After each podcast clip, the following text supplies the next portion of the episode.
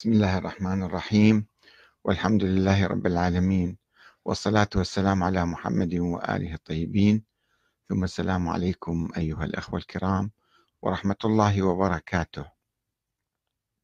من هو الإمام جعفر الصادق؟ هل كان محدثا ويعلم الغيب؟ هذه هي الحلقة الثالثة من سلسلة مواضيع عن الإمام جعفر الصادق. تحدثنا في الحلقتين السابقتين آه، تحت عنوان هل كان الإمام جعفر الصادق إماما معينا من قبل الله؟ وفي الحلقة الثانية هل كان حجة من الله؟ وهناك حلقات أخرى الحلقة الثالثة هذا اليوم بعنوان هل كان محدثا ويعلم الغيب؟ والحلقة الرابعة في اليوم غد إن شاء الله وفي الأيام التالية. هل كان الصادق مفوضا في التشريع؟ له ولاية تشريعية. آه، الحلقة الخامسة. هل كان حديثه صعبا مستصعبا والحلقة السادسة. هل الولاء لأهل البيت ركن من أركان الإسلام؟ الحلقة السابعة والأخيرة. هل كان الصادق يمارس التقية في الفتيا والجرح والتعديل؟ نطرح هذا الموضوع في الحقيقة من أجل آه، محاربة الغلو لأن الغلو في الأئمة وفي أي شيء يفرق المسلمين ويجعل من من يعتنق ذلك الغلو يعني آه، دينا مستقلا يبعده عن أن يكون مذهبا مذهبا مثل المذاهب الإسلامية الأخرى المقبولة والمعقولة في إطار الإسلام. أما عندما نغالي بالأئمة فإن ذلك يخرجنا عن دائرة الإسلام ويدخلنا في دائرة الشرك والعياذ بالله أو دائرة المفاهيم البعيدة عن الإسلام. وطبعا المذاهب الإسلامية المعتدلة هي التي تدور في إطار القرآن الكريم. فأي فكرة خارج إطار القرآن تعتبر غلوا. ولذلك نحاول أن نبحث اليوم أنه هل كان محدثا ملائكة تنزل عليه وكان يعلم الغيب كما يقول الغلاة الذين نحاول التبرؤ منهم إن شاء الله. فإذا هل كان الصادق محدثا ويعلم الغيب؟ في ظل افتقاد الإمامية كما تحدثنا في الأيام السابقة الإمامية فرق عديدة وليست فرقة واحدة. فيهم المعتدلون وفيهم المغالون. المعتدلون يعتقدون أن الأئمة هم آه، رواة أحاديث عن النبي فقط ليس أكثر من ذلك. المتطرفون والغلاة يعتقدون لا الأئمة مثل الأنبياء بمنزلة, بمنزلة الأنبياء وبعضهم يعتقد أنهم فوق الأنبياء فهذا نوع من الغلو اللي يخرجنا عن الدين بالحقيقة. هي سلسلة مقولات يعني أفكار فرضية أو نظرية. آه، نظرية تجر نظرية فرضية تؤدي إلى فرضية ووهم يؤدي إلى وهم.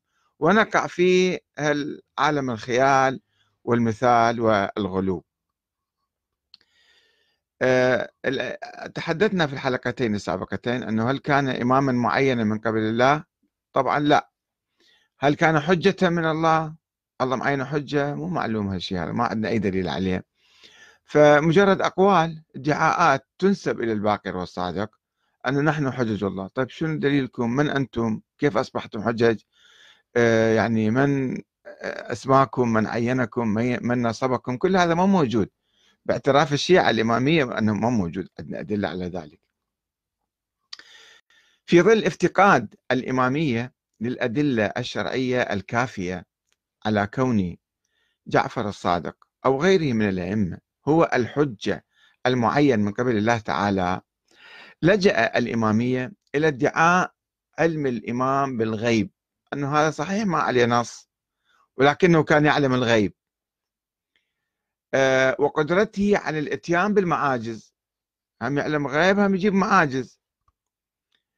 وادعى مثلا هشام بن الحكم هذا اللي هو منظر النظرية الإمامية بالحقيقة فيلسوف النظرية الإمامية نقدر نسميه كان معاصر للإمام الصادق اسمه هشام بن الحكم. ادعى هذا الشخص أنه أجرى مناظرة حول الإمامة مع رجل شامي منه هذا الرجل؟ ما يقول لنا بدون, بدون اسم يعني. في حضرة الإمام الصادق في حضوره يعني جرى حوار بينه وبين رجل شامي. على حرف جبل في في طرف الحرم. وأن الرجل الشامي سأله عن الحجة بعد القرآن والسنة. فقال له هشام هذا الجالس هذا الحجة. يعني أبا عبد الله الذي تشد إليه الرحال ويخبرنا بأخبار السماء وراثة عن أب عن جد.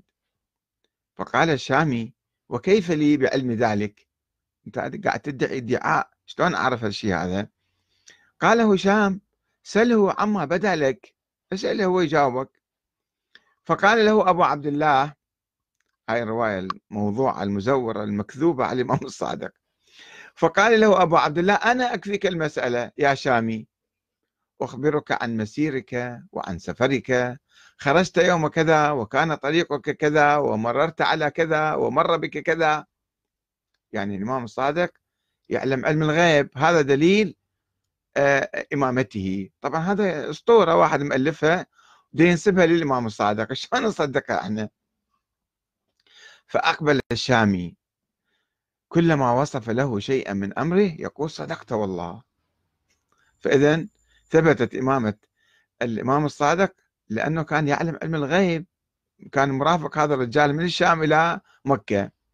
هاي الرواية موجودة في الكليني كتاب الكافي كتاب الحجة باب الاضطرار إلى الحجة حديث رقم أربعة. والمفيد أيضا يجي ينقلها بعدين في كتاب الإرشاد صفحة 278 و 289 ينقل هذه القصة حتى يثبت أن الإمام الصادق كان إمام معين من قبل الله. وقال عمار الصباطي أيضا هذا واحد معاصر كان من, من أصحاب نظرية الإمامة. يقول سألت أبا عبد الله عن الإمام. يعلم الغيب. الأئمة إحنا نعتقد بهم هذا الإمام. يعلم الغيب؟ فقال لا. ولكن ولكن إذا أراد أن يعلم الشيء أعلمه الله ذلك. شلون يعني؟ يعني صار يعلم الغيب إذن. أول شيء يقول لا بعدين يقول نعم. إذا أراد هو يعني بطبيعته ما يعلم بس وقت ما يريد الله يعلمه. هذا غلو. وأن الإمام وأن الإمام إذا شاء أن يعلم علم. إذا يريد في شيء يعلم مثلا يصور في شيء يعرف شنو يجري في أمريكا في كندا في مكان ثاني مثلا في نفس اللحظة العلم يجي عنده. يعني نزل عليه وحي يعني. وعن سيف التمار كلهم ذولا أصحاب نظرية الإمامة.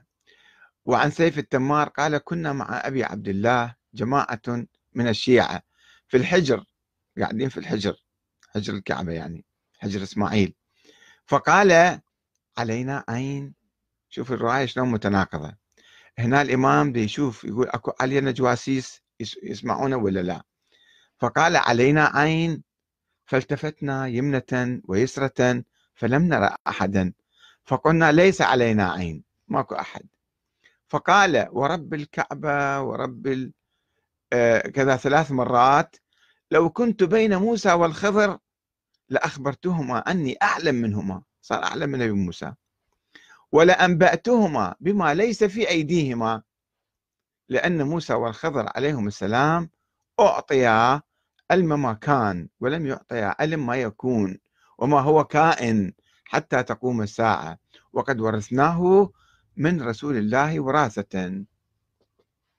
شوفوا واحد لو شوية ينتبه للرواية.